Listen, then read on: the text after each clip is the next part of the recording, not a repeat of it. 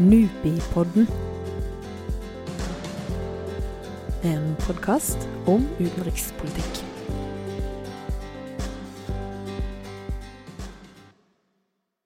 Med hver sin pølse i brød i hånda så de ut som to bestekompiser, president Barack Obama og statsminister David Cameron, der de satt på en tribune i Ohio og så på basketkamp.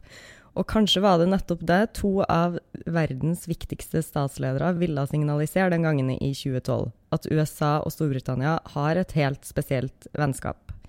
Mitt navn er Ane Isbrekken, og i dag har jeg med meg NUPI-forsker Kristin Haugevik. Kristin, du har skrevet bok om spesielle vennskap mellom land. Så det første vi må få avklart, er jo hva er det egentlig du mener når du sier spesielle vennskap i den sammenhengen her? Ja, Det er jo et godt spørsmål. fordi når statsledere står på den internasjonale scenen sammen, så snakker de jo alle om at de har gode forhold, stort sett. Mm. Eh, men det jeg mener med disse spesielle forholdene, det, det går litt utover det. Eh, på den ene sida så handler det om det vi kan kalle symbolske signaler, praksiser, à la den du refererte til med Obama og Eh, Cameron på, på kamp sammen, og, og, gode venner. Men på den annen side så handler det også om det som skjer bak scenen. De hyppige møtene, avtalene man gjør, etterretningsinformasjon man deler. Alle de, summen av alle disse tingene gjør at man kan snakke om spesielle vennskap over tid. Mm. Jeg må nesten spørre deg, Hvorfor bestemte du deg for å forske på akkurat det her? Det er jo eh, egentlig en prosess som har tatt, eh, tatt litt tid, vil jeg si. Um, det begynte vel egentlig med at jeg hadde en interesse for europeisk integrasjon eh, og Storbritannias plass i den eh, historien. Eh, og flere og flere ganger så dukka dette forholdet til USA opp. Og det var egentlig litt inngangen til at jeg begynte å lure på hva ligger det egentlig i disse strukturene. Eh, innledningsvis så var vi jo inn på denne eh, basketkampen hvor Obama og Cameron satt i publikum. Og jeg må jo nesten spørre, da, hva tror du kan det tenkes at vi en dag i nær framtid får se Donald Trump og Teresa May sitt side om side på en amerikansk sportsstadion og spise pølse? Vi kan i hvert fall ikke utelukke det. Eh, det er klart det var, eh, det var en hendelse som kanskje ikke var like effektiv som et, eh, som et mediekommunikasjonsmiddel med Theresa May og Donald Trump, nemlig da de holdt hender, som mange vil huske, ved sitt første treff i, i Washington. Og det, det ble mye latterliggjort i, i pressen, og fikk nok ikke helt den samme effekten av å vise et intimt tillitsforhold, som kanskje dette basketballbildet eh, viste. Men er det sånn at forholdet mellom USA og Storbritannia har blitt kjøligere med de her to nye statslederne? Det tror jeg er for tidlig å si noe om. Noe av det boka mi viser, er jo nettopp at disse individuelle lederne eh, kan selvfølgelig ha mye betydning akkurat i øyeblikket, men over tid så spiller det litt mindre rolle hvilken farge regjeringa har, hvilke personligheter som sitter ved makten. Nettopp fordi det er et stort apparat under som, eh, og bak disse lederne som vedlikeholder relasjonene, enten det dreier seg om eh, møter i Sikkerhetsrådet, i EU, i Nato, i disse organisasjonene eller den enkelte diplomat i hovedstedene rundt om i verden. Um, Fins det, det, noen eksempler på vennskap som har vært veldig sterk og fast mellom enkeltland, som, som har blitt mye kaldere da, i nyere tid, som du kan komme på? Det fins jo gode eksempler på at relasjoner skifter over tid, eh, og at allianser kanskje ikke er de samme eh, fra tiår til tiår, nettopp fordi eh, man har allianser kanskje i relasjon til en bestemt utfordring osv. Et eksempel som går den andre veien, jo, vil jo være Norge og Tysklands relasjon etter andre verdenskrig, hvor Tyskland nå ofte trekkes frem som en av våre viktigste allierte i Europa, og på en måte har fått en helt ny rolle i den norske offentlige ordskiftet. Mm. Um, du, har jo, du, har jo, også undersøkt forholdet Norge-Storbritannia i, i denne nye boka di.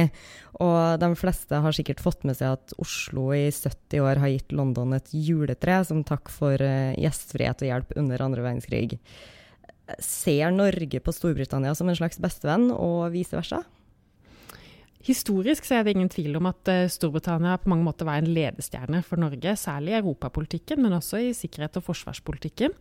Eh, på sistnevnte område så har jo USA i større og større grad overtatt den rollen og blitt eh, vår fremste sikkerhetspolitiske allierte. Og i Europa så er det andre, jeg nevnte Tyskland, som, og også de nordiske landene, som kanskje i økende grad har, har, eh, delt den rollen med Storbritannia. Så Storbritannia har vært viktig for Norge, men kanskje ikke hatt den samme spesielle posisjonen som de hadde like etter andre verdenskrig.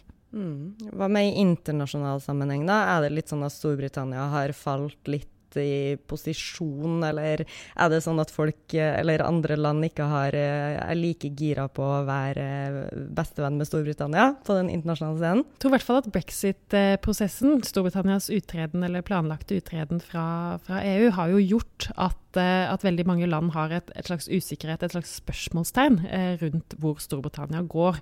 Eh, og også for Norges del så ser vi jo at Storbritannia i mye større grad har kommet tilbake på vår agenda. Det er mer bevissthet rundt det, det er flere reportasjer derfra. Det er et stor interesse i å forstå hva som skjer, og hvilke konsekvenser det vil ha. Ikke bare for norsk utenrikspolitikk, men også for det bilaterale forholdet med Storbritannia. Har Norge, har Norge, sånne spesielle vennskap med noen andre land, og, og, har vi på en måte fått noe ut av de vennskapene som du kan peke på helt konkret? da? Jeg tror det er viktig å si at, at, land vil jo ha forskjellige typer vennskap til enhver tid. og De vil kanskje tjene forskjellige formål, de vil ha litt forskjellige karakterer. Um, så, så, det at USA forblir vår, vår, nære allierte, til tross for at eh, Trump-administrasjonen fører en litt mer eh, utradisjonell og, og uforutsigbar utenrikspolitikk, eh, jo, er jo likevel et tegn på kanskje dette vennskapet. Da, at, vi, at, vi, stadig holder litt fast likevel ved den rollen, selv om man i retorikken eh, kan, kan, være mer kritisk. Eh, og at Storbritannia også, at vi har viktige, viktige bånd til Storbritannia. Eh, Tyskland har jeg allerede nevnt. De nordiske landene er jo også et vedvarende Vi kan nesten kalle det et slektskapsbånd, mm. for det, det, er så sterkt. Eh, og jeg tror vi ser eh, fra sak til sak eh, også at, at, Norge ofte står sammen med, har like interesser med, og ofte vil ha, eh, ha lignende posisjoner med flere av disse landene. Mm. Du nevner jo altså Alle de, landene vi har snakka om nå, er jo vestlige land. Um, er, det, er, det, så å si utenkelig at uh, man skulle ha forma sånne spesielle vennskapsbånd med land utenfor uh, Vesten? Uh, er det sånn at like barn leker best, på en måte? Jeg tror i hvert fall at, at dette med at man har en inngående kjennskap til hverandres samfunnsstrukturer, til hverandres språk, kanskje til og med. I det angloamerikanske forholdet så er jo språk en viktig del av av, eh, av vennskapet. Eh, så jeg tror absolutt ikke det er utenkelig, men det vil nok kreve mer fordi nettopp man ikke har dette grunnlaget å bygge på, eh, om alt man har gjort sammen før, om, om alle som har reist mellom landene om, eh, om, ting som ligner. Ofte så omtaler man jo disse vennene som, som likesinnede venner. Eh, og i det ligger det jo ikke alltid noe helt konkret, men det ligger likevel en, en, slags idé om at man tenker likt, at man har politiske system som ligner, og at man tilnærmer seg problemstillinger på en litt lignende måte. Mm. Um, altså Hvis du skal gå inn på fordeler og ulemper med å ha sånne vennskapsbånd til andre land, kan du, kan du, si litt om det? Gi noen eksempler på uh, hvor det har gått uh, veldig bra, hvor det kanskje ikke har uh, vært så kjekt å være en spesiell venn av noen? Ja, altså På den ene siden så vil jeg jo si at sånne vennskap vil kunne, og særlig hvis de er med noen som er litt populær, som, som kanskje har en ledende rolle i, i, i internasjonal sammenheng, at det for den partneren som oppnår en sånn eh, tilsynelatende spesiell rolle, vil kunne kanskje få litt status, litt prestisje, kanskje økt innflytelse på eh, den internasjonale arenaen. Samtidig så er jo eh, prisen, om vi kan si det sånn, eh, å betale for det, vil jo være at man eh, forventes å, å, uttrykke støtte, at man forventes å være lojal og kanskje svelge noen kameler eh, mm. hvis det er nødvendig. og jeg vil jo tro at, eh, at, eh, når det er snakk om f.eks. Å, å gi sin støtte til en internasjonal krigføring, eh, så vil det kunne være vanskeligere for noen som oppfattes som en nær alliert, å gå veldig tydelig ut og være kritisk.